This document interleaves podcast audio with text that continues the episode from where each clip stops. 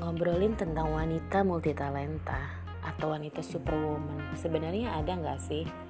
Hmm, sebenarnya itu cuma ada di film dan sinetron-sinetron. Nyatanya meskipun wanita bisa menggurita dan bisa mengerjakan banyak hal di satu waktu, tapi ada kalanya juga ketika pekerjaan numpuk jadi satu dan harus mengerjakan banyak hal di satu waktu, kadang juga overload di kepala juga ya jadi kalau dibilang ada wanita superwoman kayaknya nggak ada deh. Karena yang ada adalah wanita dengan super team. Mungkin itu. Karena wanita nggak bisa kerja sendirian.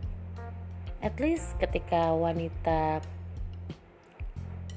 nggak punya bala bantuan di secara tenaga yang penting dia punya pendukung dalam hal support mental, support motivasi. Kalau itu semua nggak ada dan dia harus berdiri sendiri mengerjakan segala hal, saya nggak yakin akan berhasil.